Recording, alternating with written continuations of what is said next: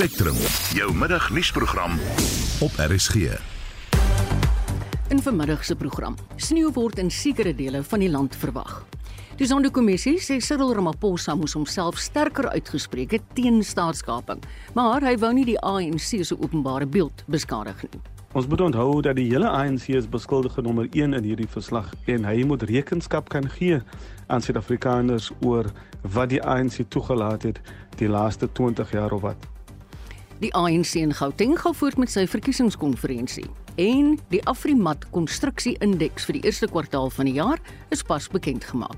Goeiemôre en baie welkom by Spectrum onder redaksie van Jean Esterhuizen. Die produksieregisseur is Daitron Godfrey en ek is Marita Kreer. Daar is geen verkeer. Goeiemiddag, ek is Annelien Moses met jou verkeersnuus. Ons begin in KwaZulu-Natal. Daar val reën op die N3 by Van Reenenspas en sigbaarheid word belemmer.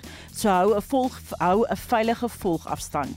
In Gauteng is daar 'n ongelukstoneel op die N3 Suid voor Linksfielweg wat die verkeer by Landenweg laat ophoop. In Amalgam is daar stadige verkeer op pad na die kruising tussen Mainweg en Kerkstraat. En in die Vrystaat was daar 'n botsing op die N3 in die rigting van Johannesburg naby die Wilgetollhek in Villiers. As jy op enigiets afkom, stuur 'n SMS na 45889 en dit sal jou R1.50 kos.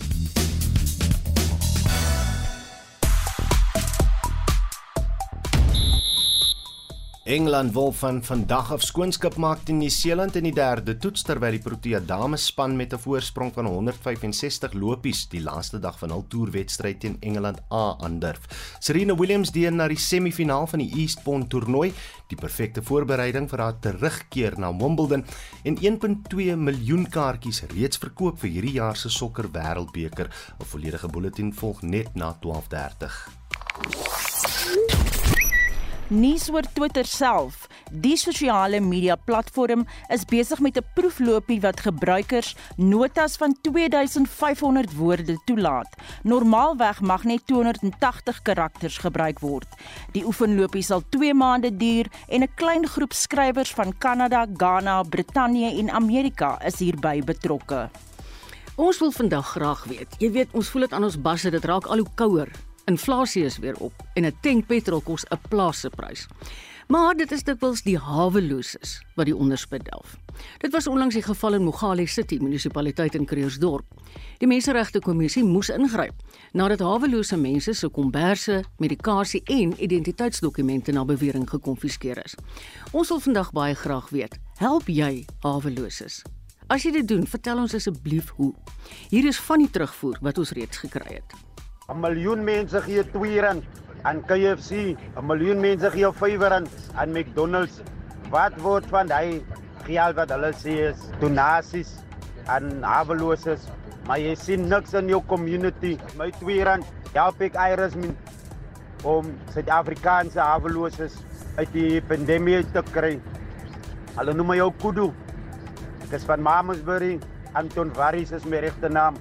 Ek deel baie kere uit daar by my in die gemeenskap. Hou events, gee vir die kinders chips, lekkers kos, vrugte. Dankie vir die sponsors wat ook vir my help om met Lise verandering te maak in ons gemeenskap. Praat gerus saam op Monitor en Spectrum se Facebookblad. Jy kan 'n SMS stuur na 45889 teen R50 of jy kan 'n WhatsApp stemnota stuur na 076 536 6961. Jy luister na Spectrum. Elke weekmiddag tussen 12 en 1. Dis nou 9 minute oor 12. Welkom terug. Die finale deel van die staatskapingsverslag is aan president Cyril Ramaphosa oorhandig. 4 jaar, 300 getuies en sowat 1 miljard rand later. Dit stel onder meer voor dat die voormalige Vrystaatse premier, Ys Magashule, ondersoek word om te bepaal of enige wette oortree is tydens die Estina melkplaas projek. Bevindinge oor president Cyril Ramaphosa en die ANC is ook bekend gemaak. Vir sy mening praat ons nou met Dr. Halen Kloete, 'n navorsingsgenoot van die Departement Openbare Administrasie en Bestuur aan die Universiteit van die Vrystaat. Goeiemôre Halen. Goeiemiddag Marieta en goeiemiddag aan al die luisteraars. Kom ons begin by die president. Ons luisteraars het heel wat vrae oor sy aanvanklike stil sweye oor staatskaping. Hier's byvoorbeeld een van hulle. Ek is Jan de Kok. Toe Zuma die president van die ANC party was en die staatskaping gepleeg het, was Ramaphosa tog nie op 'n ander planeet of in 'n ander land of in 'n ander party of iets en dit baie nou saamgewerk. Hoekom het hy geswyg? As jy weet van iets wat verkeerd is, dan swyg jy nie, jy bring dit in die lig. Die woord van die Here sê ook dat as jy weet wat die regte ding is om te doen, en jy doen nie die regte ding nie, dan is dit ook 'n sonde. So Ramaphosa is glad nie so onskuldig as wat hy kammig wil maak met sy slaap op oë nie. Allen, die verslag bevind juis dat Ramaphosa om spesifieke redes geswyg het. Was dit die verkeerde besluit om die stryd van binne af te beveg? Man, weet jy, uh, they say the only exact science is hindsight, you know. So as ons terugkyk, ehm uh, mens kan nie sê of hy reg of verkeerd was nie. Onthou die president bly 'n politikus en hy het hy het gekies om dan nou die geveg van binne af te veg soos hy dit dan nou noem. Uh hy het besluit om die lang uh die langspel te speel en dan liewer se van binne af. Maar die die verslag sê duidelik dat die president het geweet en hy het hierdie besluit gemaak om aliewerste 'n ander pad te kies. Mm. Die verslag toon dat staatskaping onder die wakende oog van die ANC plaasgevind het en dat die party nie daarin kon slaag om die probleem in die kiem te smoor nie. Nou wat is nou die impak op die party dink jy? Ek dink die, die ANC is beskuldige nommer 1 in die bank. Die hele ANC moet verantwoordelikheid vat vir die vir wat gebeur het die laaste 20 jaar. Dit is onder die ANC se se watch wat dit gebeur het. Maar ook weet jy die ANC moet ook uh, ek dink 'n pleintjie kry dat het, dat hy wel toegelaat hierdie verslag as as gevolg van die vorige openbare beskermer uh, eh, Tuli Maronsela en so 'n uh, ander is aanbeveling en 'n onafhanklike kommissie is dan nou uh onder die onder uh, regter Zondo daar gestel. Mm. So die ANC is beskuldig van nommer 1 en hy moet verantwoordelikheid neem vir die vir dit wat gebeur het die laaste 20 jaar en die president het nou gesê gee van my 4 maande, dit is nog 'n bietjie lank, uh, maar uh, ons sal dan reageer op hierdie aanbeveling. Mm. Dan is daar nou die Estina projek. Jy sê dit wat daar plaasgevind het is gelykstaande aan hoogverraad. Nee, dit is dit is vir, vir verseker die verslag sê voor Estina ingestel het het hierdie mense R16 in hulle bankrekening gehad. Die maatskappy is vanaf Indië bedryf. En dit is dit is ongehoord. Daar was geen kundigheid oor boerdery nie. Wat erger is dat mense van die begunstigdes is, is opgeviktimiseer of doodgemaak mm. net vir geld. Dit is die hoogste vorm van verraad wat gepleeg was teen die arme mense van Suid-Afrika. En die mense hoop dat die mense wat verantwoordelik was of is vir hierdie fiasco van Estina dat hierdie mense uiteindelik aan die pen gereis sal word en dat die geregse gang sal gaan en dat hulle tronk toe moet gaan. Dit is wat Suid-Afrikaners wil hê. Hulle wil gevolge hê vir die vir die dade wat mense hmm. gepleeg het teen Suid-Afrikaners. Alden jy het net nou ook 'n opmerking daaroor gemaak. Die vraag op almal se lippe is op die oomblik, gaan daar opgetree word? Die leier van die Vryheidsfront Plus, Dr Pieter Groenewald, sê dis onredelik van die president om 4 maande te wag voordat hy sy implementeringsplan voorlê aan die parlement. Hier is sy opinie. Die sukses van die 1 miljard rand van belastingbetalers geld wat gebruik is vir die sondekommissie sal afhang van hoe effektief implementering gaan plaasvind en hoe effektief mense wel skuldig bevind gaan word in 'n hof en hulle straf kan uitdien. En dan het Pieter Groenewald ook hierdie stelling gemaak. Mense moet nie mislei word om te dink dat die era van staatskaping nou verby is nadat die finale verslag van die sondekommissie aan die president oorhandig is nie. Hoofregter Zondo het self erken dat daar geen ondersoeke gedoen is op derde vlak regering, naamlik die van munisipaliteite nie. Na my mening is dit waar die meeste staatskaping plaasvind op die oomblik nog steeds en korrupsie gepleeg word. Stem jy daarmee saam, Halen? Nee nee, ek stem saam met saam, ek wil ook net die konteks hê. Jy weet ons moet onthou dat ons staatskaping het nie in 1994 begin nie. Mm. Ons het vir jare lank staatskaping gehad en so daar is 'n klomp goed wat nog nie geondersoek word nie. Munisipaliteite is ons nou net uitgewys as van die die die gruwelikste dade van daar ook klaar. So ons het weet jy Marita in 1924 dink ek 'n kultuur geërf van van van kaping en van korrupsie. En hierdie goed met ons korrupsie bly die kanker van ons samelewing. Of dit nou voor 1994 gepleeg word of na 1994, korrupsie bly korrupsie, maar dit is so oud soos die mens homself. En so ons het 'n nuwe etiese kode en etiese waardestelsel in ons land nodig. En korrupsie moet ons ook onthou, dit is nie net beperk tot die tot die uh, publieke sektor, die private sektor is ook skuldig aan korrupsie. So ons kan terecht praat van 'n korrupsiekultuur in hierdie land van ons wat ons moet in die oë kyk en aanspreek en daar moet gevolge wees. Is baie hartseer wat jy sê, maar dis ongelukkig waar. Dankie vir jou tyd. Dit was Dr. Halen Kloete, 'n navorsingsgenoot van die Departement Openbare Administrasie en Bestuur aan die Universiteit van die Vrystaat. Op ek op kwart oor 12. Die ANC in Gauteng gaan vandag voort met sy provinsiale konferensie in Benoni aan die Oosrand. Dit is ten spyte van 'n paar dispute wat takke aangeteken het wat nog nie opgelos is nie. Annelien Moses berig. Die ANC in Gauteng gaan voort met sy provinsiale konferensie ten spyte van uitstaande dispute veral in die Ekurhuleni streek. Die provinsie se uittredende adjunkvoorsitter, Panyaza Lesufi, sê dit sal geen invloed op die konferensie hê nie. We remain hopeful that it's going to be resolved before we start our, our conference. So we believe that matter has been taken care of. So there's nothing that will affect our conference or the status of our conference. Remember, the provincial conference of the is a conference of branches. It's not a conference of regions.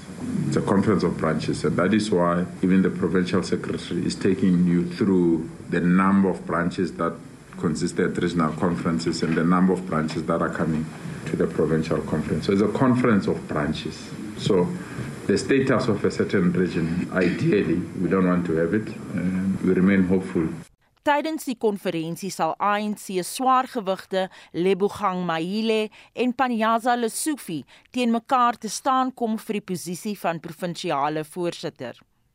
Lesufi sê 'n klemverskywing sal moet plaasvind. We really believe that this thing of conferences of the ANC being replaced being festival of ideas about election it's a culture that we must discourage. Um, when we meet after four or five years, it must not be about who leads the organization. It's about where do we find ourselves as a political party. Yeah, what are the issues that we believe that we need to attend? What are the concerns of our constituencies? Net meer as 1000 afgevaardigdes sal aan die 4-dag lange konferensie deelneem. Die ANC se vernuwingsprojek behels dat beduidende kwessies op die voorgrond sal tree. Vanmiddag sal die fokus waarskynlik val op die nasionale beleidsdokumente.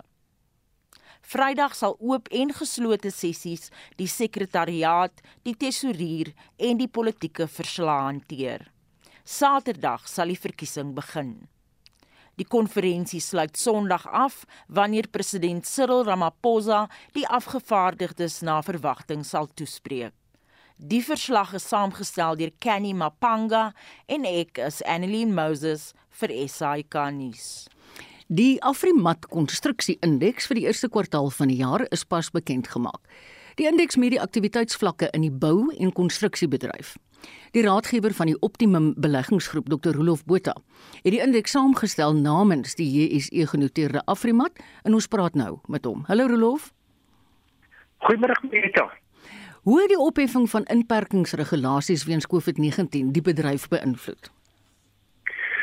Uh, baie sleg. Uit die organisasie ek dink jy daar's een bedryfstak in die wêreld behalwe miskien landbou in 'n mate uh wat wat nie erg daardeur geraak is nie. Ek, ek dink byvoorbeeld die internasionale lugvaartvereniging ehm um, verwag eers volgende jaar in 2023 om weer 'n wins te maak. Ja. Uh, na na drie agtereenvolgende jare se verliese. Die die, die goeie nuus is dat die Afrika konstruksie indeks baie vinnig aanvanklik herstel. Uh hy was binne 'n kwartaal na daai rampspoedige ehm uh, tweede kwartaal van 2020. Ek dink nie die luisteraars sal ooit April 2020 vergeet nie. Uh ek is amper gearresteer toe buite my uh hy is so in, in Pretoria net op die grasperk wou, wou hardloop. uh, dit dit was iets verskrikliks daai aanvanklike ding, die oorreaksie, die uh niemand het presies seker geweet wat om te doen nie en hy het onmiddellik hy binne hy die, in die derde kwartaal van 2020 het hy teruggespring na amper waar hy was. Ja. Maar die probleem is dat hy het sedertdien het hy maar presies gebly min of meer waar hy is en ons het in hierdie land het ons 10% per jaar konstruksiebedrywigheid groei nodig, nie 10% per dekade nie. Ja. Dis wel waar. Ehm um, wat is die redes daarvoor dat dit so sukkel? Ek sou sê die hoofrede uh en uh, daarvoor kan 'n mens die besonderhede gaan kry in uh, ouditeur-generaal verslae en in die sondekommissie se verslae. Die hoofrede is die onbevoegdheid in die openbare sektor in Suid-Afrika, staatsondernemings, nasionale departemente, provinsies, buite die Weskaap natuurlik en die veral op munisipale vlak. Want dit is waar die goedkeurings moet kom, dit is van waar die die tenderproses moet moet begin en eindig met die met die uh, uh, bekendmaking of die advertensie van die tender in die staatskoerant en daar is nie genoeg hiervan wat deurloop na die private sektor nie. Nou gelukkig het ons 'n president wat uh, ons nou op die regte pad begin vat het, maar dit dit neem nou maar stadig. Uh, die beloftes oor baie groter samewerking met die private sektor vind hier en daar gestalte, maar hulle moet met indringendheid gaan kyk mm. na hoe om die struikelblokke uit die pad van hierdie goedkeurings en regulasies in die konstruksiebedryf uit die weg uit te ruim want mense kan maar in enige windrigting ry in hierdie land 20 of 30 km meeste plekke en dan sien jy met jou eie oë die agterstande en die probleme met behuising met paaie en dis meer en, en ons kan ongelooflik baie werk skep as as hulle net hierdie hierdie hierdie gebrek aan aan skakeling tussen die uh, openbare sektor en die private sektor kan oorbrug en dit kan gedoen word, maar dan moet hulle die insigte kry van die private sektor. Ek weet nie of jy geluister het na my onderhoud met Halen Kloete nou net nie. Halen het presies dieselfde ding gesê as jy. Hy sê ons moenie dink staatskaping is nou verby nie. Hy voel dit op die munisipale vlak amper die ergste. Wel ja, uh ongelukkig stem ek met hom saam. Die feit van die saak is dat ehm um, vandat meneer Zuma by uh, uh, uh van die toneel af verdwyn het en meneer Ramaphosa by hom oorgeneem het, is ek skat seker 90% plus van die mense wat direk en indirek deur die Zuplas aangestel is op alle vlakke van regering van Suid-Afrika mm. is nog daar. En ons gaan nog lank 'n prys betaal vir die ongelooflike skade wat meneer Zuma en meeste van sy kabinetslede met daardie kaderontplooiing aanstellings van hulle in hierdie land aangerig het dit gaan nog baie lank vat want jy kan mos nou nie staatsamptenaar sommer in die pad sit nie. Mm. Uh dit is 'n vreeslike omslagtige proses. Maar my advies van aan die regering Marieta en en ek hoop iemand by Nasionale Tesourie luister hierna is dat as hulle net so ver kan kom om die uh, om private sektor auditeurs en regsfirmas te stel om forensiese audits te doen van CV's van hierdie mense wat aangestel is. As hulle een leen kry op daai CV, is dit bedrog. Dan kan hulle onmiddellik hmm. van hierdie persoon ontslae raak. Hoekom doen hulle dit? Ja. Hulle moet regtig nou begin om 'n plan te maak, anders gaan ons voortploeter die hele tyd. Kom ons kom terug na die Afrimat konstruksie indeks toe. Die indeks het tog die BBP groeikoers op 'n jaar op jaar grondslag die loof afgesteek. Maar hy's nou terug, soos jy ook net nou gesê het, na sy tradisionele tendens. Hoe betekenisvol is hierdie tendens? Dan uh, soos ek vroeër gesê dit is bemoedigend dat ons min of meer terug is. Die konstruksiebedryf is min of meer terug waar hy was in die eerste kwartaal in 2011. Ja. Maar jou dilemma is uh, uh, jammer 2019. Met ander woorde die laaste uh, vergelykbare kwartaal Goed. voor Covid was die indekswaarde net oor die 115. Hy's nou net onder die 115, so kom ons sê maar hy's min of meer gelyk.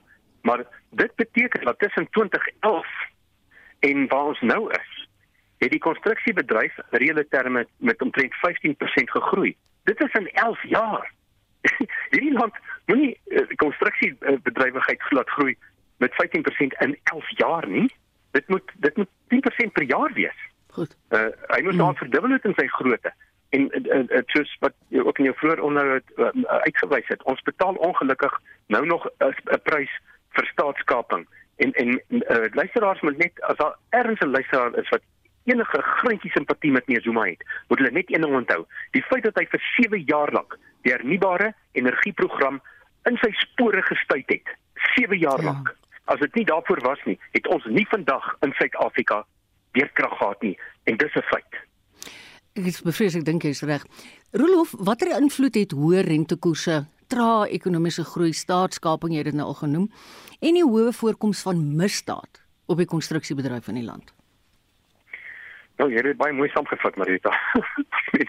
As jy al hierdie saamvoeg dan is dit maar die die mandjie van problematiek waarmee ons opgeskeep sit en die hoë rentekoers het nou ongelukkig onlangs in die prentjie ingekom. Wat die misdaad betref, het die regering 'n reuse taak op hande en dit is om van die sogenaamde konstruksie mafia ontslae te raak. Dit is sulke bendes, letterlik bendes wat opdaag by konstruksieterreine en uh hulle hulle dreig, hulle is baie keer gewapen en hulle wil 30% van die kontrakwaarde hê. Alles hierso onder die dekmantel van besigheidsforums en sulke twak. Uh dit is suiwer, suiwer mafia aktiwiteit en tensy die regering nie sy belofte gestand doen om baie vinnig in die polisie diens 'n gespesialiseerde eenheid in te stel om hierdie mense vas te vat en hok te slaan nie uh gaan die konstruksiebedryf ongelukkig gekneelter word. Weet jy Rolof, ek het nou al hiervan gehoor, maar ek in die onlangse verlede hoor mense dit ook wat betref F Eskom mense wat herstelwerk doen, dat daar ook sulke bendes by hulle opdaag. Ek meen dit is mos gewoon krimineel.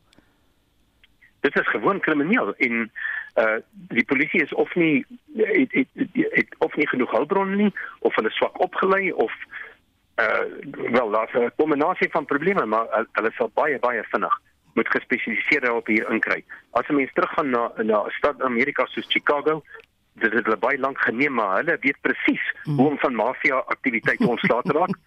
Ehm um, skep hulle 'n lykie en en vra vir die vorige polisiekommissaris daarso of een voor hom selfs nog. Maar bietjie draai hier toe kom maak en want ons hoef nie die wiel van voor af uit te vind nie. Mm. Ons ons kan is, iets wat suksesvol was in ander lande om hierdie tipe misdadigheid uh, uiteindelik op te slaan kan kan ons nou maar van daai deskundiges gebruik maak. Uh, dis wel 'n goeie voorstel. Vry na Cuba toe by in Venezuela toe. Dankie Rolof, dit was die ekonomiese raadgewer van die Optimum Beleggingsgroep Dr. Rolof Botha wat die konstruksie-indeks namens Afrimat saamgestel het. 1227 Die Parlement se artikel 194 ondersoekkomitee sal volgende maand met sy werk begin. Die komitee is saamgestel om ondersoek in te stel of daar gronde is om die geskorste openbare beskermer, Bosisiwe Mqwebane, uit haar pos te verwyder. Zelin Merrington berig. Dit was 'n lang en uitgerekte aanloop tot die komitee. Dit het in 2017 begin met die DA wat die spreker van die nasionale vergadering gevra het om Bosisiwe Mqwebane se bevoegdheid te ondersoek. Hierdie versoek was gegrond op verskeie negatiewe hofuitsprake teen haar, maar die komitee kon eers van die grond af kom nadat die parlement reëls moes opstel oor hoe 'n hoof van 'n hoofstuk 9 instelling verwyder moet word, asook verskeie nederlae in die hof vir Mqobane. Die voorsitter van die komitee, Richard Jantjie, sê dit sal 'n besige paar maande wees. During the month of July, we are going to have a, a, heavy load of our work because at the beginning of July and specifically on the 11th of July, we will be hearing for the first time a number of witnesses that would come in front of the committee to share their own evidence, either for reasons of exonerating the public protector or sharing evidence about why it is important that we make findings on the public protector. Die DA wat die mosie vir Mqobane se verwydering ter tafel gelê het, sien uit na die proses om te begin, sê LP Annelie Lotrit. Enigste manier waarop die komitee se werksaamhede gestaak sal word, is as daar 'n suksesvolle interdik aangevra word. So ons is gereed vir die proses. Dit gaan 'n lang proses wees en dit behoort waarskynlik eers hier teen September Oktober afgehandel te wees. Beide hoofsweepe van Good, Brett Heron en die Vryheidsfront Plus se Corne Mulder sê dis in die belang van Suid-Afrikaners dat die proses objektief en geloofwaardig moet wees. And we need to receive and listen to that evidence with impartiality and objectivity. It is important that the people of South Africa have confidence in the outcome of this hearing and that the hearing is conducted in a way where the recommendation that is made to the National Assembly is credible. En die Vryheidsfront Plus sou graag wou sien dat waar ons nou trek, dat daardie proses tot finaliteit gebring word so gou as moontlik. Dit beteken dat die ondersoek van die artikel 194 komitee onmiddellik voortgaan, dat die openbare beskermer die geleentheid kry om haar saak te kom stel en sy's geregtig ook op regsverteenwoordiging. Hierdie saak moet afgesluit word so gou as moontlik. Suid-Afrika kan nie langer bekostig dat ons nie 'n funksionerende openbare beskermer het wat die saak hanteer wat gehanteer behoort te word nie. Dit is tot nadeel van die hele grondwetlike proses. Die leier van Algemag, Ganie Hendriks, stem met hulle saam. Al Jamaa will participate. It has already requested certain experts to be called to help the inquiry on how to achieve the real purpose of a public protector's office. Die komitee het twee getuienisleiers, advokate Nazreen Bawa en Komisa Mayosi aangestel om te help met die proses. Celine Merrington, Parlement. Jy luister na Spectrum. Op RSG. Dis op die kop, half 1. In die volgende halfuur van ons program, die weerdiens sê temperature gaan nog verder daal oor groot dele van die land. En die Europese Unie sal vandag besluit of Oekraïne formeel 'n kandidaat vir lidmaatskap kan word. Ons nooi jou om ingeskakel te bly. Daar is geen verkeer. Ons begin in Kaapstad, dan was 'n botsing op die N2 by Jakes Gerwel Rylaan en die linkerbaan is versper. In KwaZulu-Natal was daar 'n botsing op die N2 suid na die Umgeni wisselaar en twee bane is versper. In Gauteng is daar 'n botsing op die N3 suid voor Linksfielweg wat 'n verkeersknoop op Landenweg veroorsaak. En in die Vrystaat was daar daardie botsing op die N3 in die rigting van Johannesburg naby die Wilgetollek in Villiers.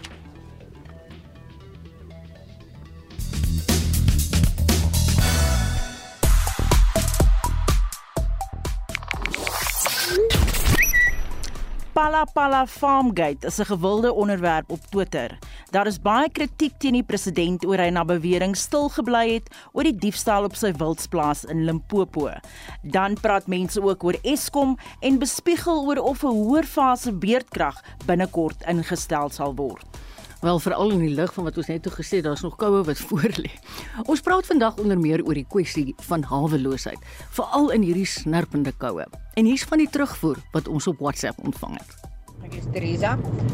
Vanoggend ry ek in ons straat af op pad werk toe en die volgende oomblik kom ek op hierdie toneel af waar daar net polismanne, sekuriteits companies en almal besig is daar 'n stuk veld om die homeless people uitmekaar te jaag. Dit reën, dis koud. Daar's dit twee mense waarvan ek persoonlik weet wat nie kan loop nie. Die een man se voete so verbrand dat die velle hang van daai voet af. Die ander man wat daar sit, hy staan elke dag by die robotte entjie af. Party oggende moet hy op sy boude skuur om by die robotte kan kom om te kan staan om iets te kry. Daar is mense wat die kans vat, wat staan in bedel wat absoluut niks mekeer nie. Dan is daar 'n oomie van 83 wat elke dag van 7:00 die oggend tot 9:00, 10:00 en 11:00 in die aand loop in karre oppas by ons. Ek wil net weet nou, hoe het daai burgemeester gaan slaap? Ek was ook 'n hawelose mens gewees. Ek en my vrou omstandighede het dit bestem vir ons met liefde en ondersteuning van instansies het ons 'n bietjie opgeklim.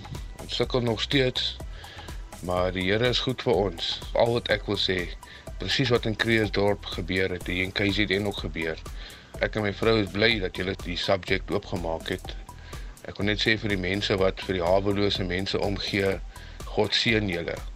En die mense wat bang is om vir mense geld te gee en dit nie almal is drug addicts wat op die straat is nie. Ek gebruik geen dwelms nie, my vrou ook geen dwelms nie. Die stigma almal wat op die straathoeke staan is dronk addicts en alkoholiste en dit vergeet daarvan mense word groot man, word groot. Dit is nou ons WhatsApp terugvoer onder andere, maar kleintjie Kat skryf op Facebook. Ons koop kos en koeldrank en deel dit vir die mense uit. Op die SMS-lyn skryf 'n luisteraar: "In Wolmaranstad bly 'n engel. Haar naam is Ria Hon. Al is sy self nie wel af nie, weet almal in Wolmaranstad om by haar vir hulp aan te klop. Sy help almal, die wat honger is, die wat geen inkome het nie en die wat net 'n bietjie aandag en liefde nodig het." Wat 'n verblydende boodskap. Jy kan gerus nog as jy wil verder saamgesels op ons Facebookblad.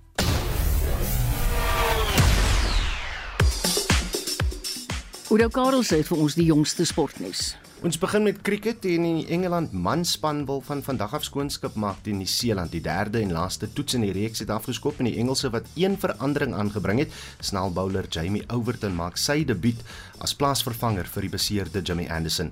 Nieu-Seeland se kaptein Kane Williamson ook terug om die span aan te voer na hy die tweede toets weens 'n positiewe COVID-toets misgeloop het. Ons dames cricketspan skop ook die laaste dag van hul 3-dag wedstryd teen Engeland A af met 'n voorsprong van 165 lopies. Die dag se spel begin binne die volgende uur. In tennisnuus het Serena Williams verseker dat sy die perfekte afronding kry vir haar seëgetog by Wimbledon hierdie jaar. Williams en haar Tunisiese vennote, ons Jabeur, is deur na die semifinaal van die Eastbourne toernooi na 'n 6-2-6-4 oorwinning teen Shuka Oyama en Shan Hao Xing. Die lood vir hierdie jaar se Wimbledon toernooi vind natuurlik môre plaas. In golf het die Amerikaanse PGA 'n nuwe toernooikalender en groter prysgeld bekend gemaak as teenvoeter vir die LIV golfreeks wat deur Saudi-Arabië aangebied word. Die prysgeld op die PGA Tour sal vir die volgende seisoen op 'n gemiddelde 20 miljoen dollar te staan kom. Of dit enigiets sal kan doen om te verhoed dat nog spelers na die LIV reeks sal oorslaan, weet ons nog nie, maar kom ons noem net weer eens die syfers wat daaraan verbonde is. Die prysgeld vir elkeen van die sewe toernooie in die LIV reeks is 25 miljoen dollar, terwyl 50 miljoen dollar aangebied word vir die LIV reeks finale wat in Oktober plaasvind. En dan het ons nog nie eers uitgekom by die aantekenpryse wat sekere spelers huis toe vat alvorens hulle bal slaan nie. Vol Mickelson in Saudi-Arabië Arabië toe gelok met 200 miljoen dollar net om op te dag. Dustin Johnson is blykbaar 150 miljoen dollar betaal. Wat die Amerikaners ook nie gaan help nie, is dat die Britse Ope besluit het dat spelers wat aan die LIV reeks deelneem, welkom sal wees om deel te neem aan die 150ste Ope Kampioenskap wat volgende maand by St Andrews in Skotland plaasvind. En laastens 1.2 miljoen kaartjies is reeds opgeraap vir die sokker wêreldbeker wat in November in Qatar plaasvind. Organiseerders het vir die eerste keer kaartjiesyfers onthul vir die geleentheid waar hulle reeds 40 miljoen versoeke vir kaartjies ontvang het. Soos dit maar die gewoonte is, is die meerderheid van hierdie kaartjies deur sokkerondersteuners van Engeland en Brasilië gekoop. En dit was Oudo Karelse van ons sportredaksie en die jongste telling daar in Headingley waar Nieu-Seeland eerste kolf is 18 vir 1. Jy luister na Spectrum. Elke weekmiddag tussen 12 en 1. Is 21 minute voor 1 en ons skuif nou na die internasionale front.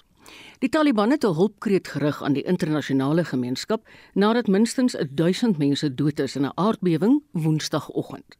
Reddingswerkers se pogings om afgeleë gebiede te bereik word bemoeilik deur swaar reënneerslae, beskadigde infrastruktuur en 'n gebrek aan hulpbronne. Marlenae Forsie het meer besonderhede. Beeldmateriaal wat gedeel word toon modderhuise in pyn en die vrou het 19 familielede verloor.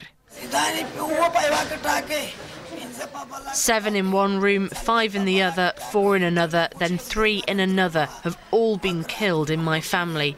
I can't talk anymore. My heart is getting weak. Afghanistan is een van die armste lande in die wêreld weens sanksies teen die leierskap. 'n Humanitêre krisis is reeds besig om te ontvou en word vererger deur die natuurramp. Iets wat die adjunkminister van rampbestuur, Mavlavi Sharafuddin Muslim, erken.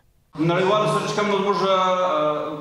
call on the international community to help because our country alone cannot handle this incident.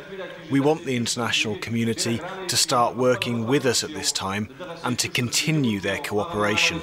Asunta Charles, die direkteur van die humanitêre organisasie World Vision Afghanistan, sê dat swak beskadigde infrastruktuur en gebrekkige hulpbronne die dood van mense in landelike gebiede kan beteken. I have been hearing from the ground that going to the area is becoming highly difficult. As we know, these are remotest areas and the transport has always been a problem. So people have to walk the roads to reach these places. And this is going to really become a bigger challenge in saving lives. People may be under the rubbles, and saving them is going to be a major task. And already, health facilities have failed in Afghanistan. There are no proper medicines, no doctors. So, saving these wounded is going to be a bigger challenge for us. Sy is gefrustreerd en bekommerd oor gewone landsburgers wat reeds swaar trek onder sanksies teen die Taliban. Based on the UN sanctions, there was already an exception made for the humanitarian aid. We are saving lives. So we have to find such mechanisms to continue to support this country. So it's not like approving the de facto authorities, but these are human beings. So I'm looking at the people on the ground, children on the ground who are dying. We are making sure that no aid diversion happens. We have our own red lines to follow.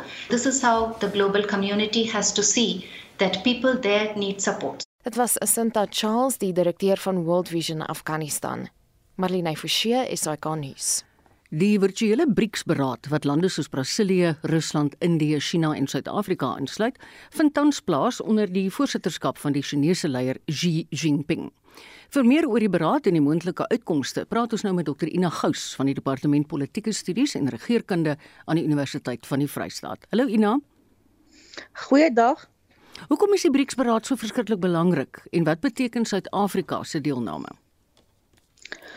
Ja, kyk, die beraad is maar belangrik vir die spesifieke lande um, om die invloed dink ek van die BRICS lande bietjie uit te brei. En ek dink um, onder omstandighede uh, wat waar die geopolitiese um, situasie so verander danksy die die die oorlog in Oekraïne. Um, jy weet sien veral lande soos China die geleentheid om 'n baie spesifieke um, tipe regeringsbeleid, ekonomiese beleid en invloed wat daarmee saamgaan reg oor die wêreld um voor te lê en die die die saak daarvoor te maak. En as mens kyk na die lande wat ook genooi is om deel te neem en um wat hulle dalk later met nouer bande wil betrek, um jy weet, is daar 'n 'n baie direkte poging om weg te beweeg van 'n westerse mm. um um jy weet, ondersteuning en en en model van dinge doen. Ina dink jy die oorlog in die Oekraïne gaan 'n ernstige besprekingspunt wees of dink jy die leiers gaan juis eerder die gesprek in 'n ander rigting stuur? Kan jy glo dat dit nie op die agenda is nie? Glad nie. Um, ironies genoeg of skandelik as afhang af hoe jy dit wil sien. Um die die onder die lede self is daar 'n baie spesifieke lyk like vir my benadering dat uh, hulle nie vir Putin wil kwaad maak of enigsins ehm uh, daaroor wil praat nie. Ek ek, ek kan wel sê dat Suid-Afrika en Indië redelik neutraal probeer bly ehm um, weet tot op 'n punt. En Indië het uh, reg uitgekom gesê hulle wil hulle self nie uh, blootstel of deelneem aan uh, spesifieke westerse anti anti-westerse propaganda nie. So hulle gaan nie uh, daarin wil skuldig wees nie, maar ek dink hulle gaan op eiers loop en die feit dat die impak wat die Oekraïense oorlog het op voedselsekerheid in ontwikkelende lande, op die hoë brandstofpryse, die mm. die die verhoogde lewenskoste oor die algemeen, dat dit nie op die agenda is nie is soos ek sê dis ironies of 'n skande. Jy kan nou besluit wat jy dit wil weet jy ek kan nie glo dat dit moontlik is om die oorlog te ignoreer nadat talle lande en ek sluit ons in Suid-Afrika in die geweldige ekonomiese impak daarvan ervaar nie.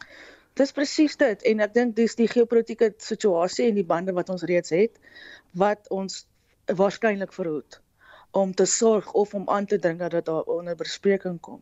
Ehm um, die ons ehm um, president het reguit gesê die idee gaan nie wees om president Putin jy weet uh, te beledig of ehm um, jy weet onder druk te plaas nie en ehm um, dit ehm um, jy weet dit dit sê vir jou dat die agenda nie noodwendig mense op plaaslike vlak is wat swaar kry nie. Die mm. agenda is groter en wyer en en dis jammer. Kan die BRICS-lande enigiets doen om teen die sanksies wat teen Rusland ingestel is? Ja, hulle gaan probeer um, om die uit die aard van die saak hulle self daarteen uit te spreek, spesifiek China um, veral. Ehm um, en sê dat dit op die lange duur nie die die uh die probleem gaan oplos nie en dalk waarskynlik uh groter druk op veral ontwikkelde lande verder gaan plaas en dat uh, jy weet daar ander maniere kan wees om om die invloed wat hulle wil hê te plaas, maar ons weet almal dat dit nie die geval is nie. Ehm um, En uh dit blyk ook soos ek gesê dat hulle uh, ander lande op 'n stadium wil begin nooi om om deel te neem mm. aan BRICS en om lede te word selfs. En mens kyk na die wat hulle genooi het om te, om by die beraad te wees. Ehm uh, jy weet Bangladesh, Egipte, die Verenigde Arabiese Emirate. Dit is alles lande wat nie noodwendig gepro-westerse uitkyk het nie. So hulle wil definitief probeer om 'n 'n skuiwing te veroorsaak en mm. ehm um, uh jy weet bande, ekonomiese bande veral. Ehm uh, want daar is 'n baie spesifieke poging van westerse lande om hulle afhanklikheid van Rusland en China minder te maak. Ja. Waar Suid-Afrika en China nou weer hulle afhanklikheid van sekere goed van Rusland af wil uitbrei. So ehm um, daar's 'n spesifieke konflik wat dit aanbetref en ons sal sien hoe dit nou uitloop in die in die maande mm. wat kom. Ina baie dankie. Dit was Dr. Ina Gous van die Departement Politieke Studies en Regeringskunde aan die Universiteit van die Vrystaat. Die Europese Unie vergader vandag in Brussel, België, waar Oekraïne na alle aanduiding as kandidaat vir lidmaatskap aanvaar sal word. Maar nou berig daar heers heelwat ontevredenheid hieroor. Bosnië en Herzegovina se geduld raak min. Hulle het al in 2016 aansoek gedoen om as kandidaate oorweeg te word. Dit terwyl Oekraïne se versoek wat daarna die Russiese inval gerig is, in rekordtyd afgehandel is. Maar word Oekraïne voorgetrek. Die EU-ambassadeur Vsevolod Chentsov. We do not accept the idea of the queue and we need to take our place in this queue. each and every state has its roadmap, has its path, and if there is a political will, if there is a support of the society, business operators, to move forward, to implement reform in a bold and fast way, so why we should wait? Hy sê lidmaatskap aan die EU is gelykstaande aan Oekraïne se bestaansreg. It's really important for Ukraine to keep fighting for the European Ukraine and to keep fighting for our future. So it's an existential challenge for us. Die volwaardige integrasieproses kan egter eers na die oorlog plaasvind. In the meanwhile, I see the potential to implement if not, but some of them even now. We are not starting from scratch creating anti-corruption infrastructure. Definitely these bigger reforms will be logical to do in the course of the reconstruction and rehabilitation process, which will start, I think, immediately after we have a stable situation. Dit was die Oekraïense EU-ambassadeur Vsevolod Chentsov. Die klank is verkry van die BBC. Ek's Marlene Forsie vir SAK nuus. Ons bly by die onderwerp en praat nou met die politieke ontleder aan die Universiteit van Pretoria, Roland Henwood. Hallo Roland. Goeiemôre Marieta. Dit blyk 'n uitgemaakte saak te wees dat Oekraïne as kandidaat vir die EU aangekondig gaan word. Watter boodskap dink jy stuur dit aan Rusland? Ja, dit lyk asof dit 'n voldonge feit is en ek dink daar's twee boodskappe. Die een is dat ons moet onthou die geskiedenis van Europese Unie lidmaatskap en toenadering strek dekades in die geval van Oekraïne, maar veral van die vroeë 2000s is daar gereeld samesprekings en pogings gewees en dit het nog nooit gerealiseer nie um, as gevolg van interne en eksterne politieke faktore. Die boodskap wat dit nou stuur dat dit uiteindelik waarskynlik gaan gebeur is om vir Rusland te sê jy kan oorlog maak, jy kan ons afdreig, ons is besig om die Europese Unie uit te brei tot letterlik teen jou grens. Mm. En ek dink nie ons moet daai geopolitiese konteks en die boodskap wat dit oordra uit die oog verloor nie. So ja, daar's 'n historiese komponent, maar daar's ook 'n werklike direkte politieke boodskap wat nou gekommunikeer word. Roland, maar is dit nie juis 'n risiko om Oekraïne nou 'n kandidaat te maak nie, veral met die oorlog in die land? Nie regtig nie. Ehm um, die die die kandidaatstatus beteken nie dat daar onmiddellike verandering en en 'n uh, Europese verantwoordelikheid in 'n direkte sin ehm um, ten opsigte van die Oekraïne ontstaan nie. Dit beteken dat daar 'n bereidwilligheid en daar's 'n verklaring dat ons nou begin werk aan hierdie proses. Dit kan 'n dekade vat om dit ja. af te handel. En en die belangrikheid hier is dat die Europese Unie is versigtig vir toelating. Hulle laat nie sommer net enige een onmiddellik as 'n volle lid toe nie. Jy weet, ek kry mense half die indruk dat hulle trek 'n bietjie die Oekraïne voor, veral as hy ou in gedagte hou dat die lesse wat hulle geleer het, die VN veral, dat uh, daar's probleme met Brittanje gewees en met Turkye. Ja, ek ek weer eens dink ek 'n mens moet na die konteks gaan kyk. Ehm um, die Unie is versigtig. Ehm um, Griekeland se lidmaatskap het die Europese Unie byvoorbeeld baie duur te staan gekom ja, omdat die omdat die Grieke nie eerlik was in hulle aansoek nie. En die Europese Unie het 'n klomp risiko's opgeneem wat hulle nie geweet het nie.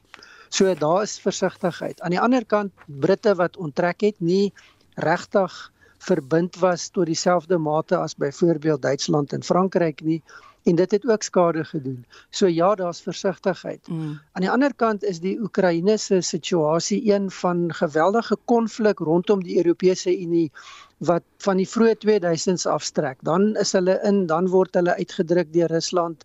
Dan is daar 'n staatsrevolusie in Oekraïne wat onder andere hieroor gaan So daar's 'n geskiedenis van konflik rondom dit en ek dink hierdie is simbolies baie meer belangrik as wat dit op 'n praktiese vlakke onmiddellike effek gaan hê. Baie dankie Roland. Dit was die politieke ontleder van die Universiteit van Pretoria, Roland Henwood. Spectrum, jou middagnuusprogram op RSG.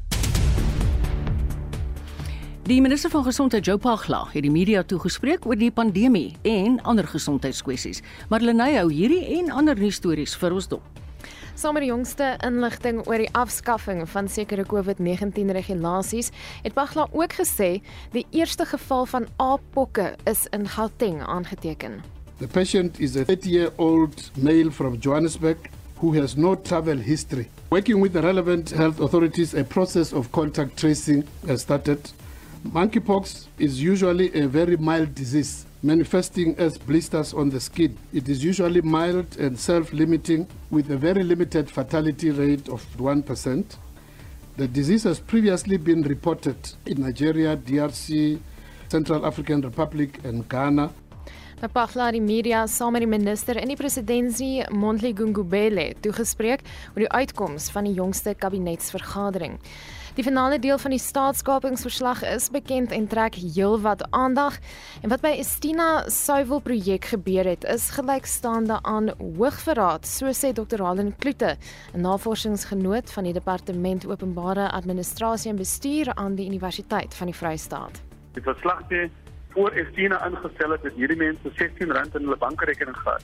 Die maatskappy is van 'n Indië bedryf en dit is ongehoord Daar was geen kundigheid oor boerdery nie. Wat erger is dat mense van die beginsels is geopgeviktimiseer of doodgemaak net vir geld. En die mense hoop dat die mense wat verantwoordelik is aan die pen gereis sal word. Maar gaan daar enige veranderinge van die verslag kom? Dis die vraag wat môre op Monitor tussen 6 en 7 bespreek word. Die Afrimat konstruksieindeks vir die eerste kwartaal van die jaar is kort voor Spectrum bekend gemaak. Die indeks meet die aktiwiteitsvlakke in die bou en konstruksiebedryf. Die raadgewer van die Optimum Beleggingsgroep, Dr. Rolof Botha, het die indeks saamgestel. Die Afrimat konstruksieindeks het baie vinnig aanvanklik herstel. Hy was binne 'n kwartaal na daai rampspoedige tweede kwartaal van 2020. Ek dink nie die luisteraars sal ooit April 2020 vergeet nie. Hy die derde kwartaal van 2020 het hy teruggespring na amper waar hy was. Maar die probleem is dat hy het sedertdien gebly min of meer waar hy is en ons het in hierdie land 'n 10% per jaar konstruksiebedrywigheid groei nodig, nie 10% per dekade nie. Daar het jy dit. Daar word intussen vreeslik gepraat oor die afskaffing van COVID-19 regulasies. Nou indien jy enige vrae het oor hierdie kwessie, skakel môre in op Monitor tussen 6:00 en 7:00 want hulle gaan daaroor gesels môre en daar is ook verskeie reaksie wat hulle gaan kry uit die toerisme en gasvryheidsbedryf. Ja, ek kan net dink baie dankie Marlenae.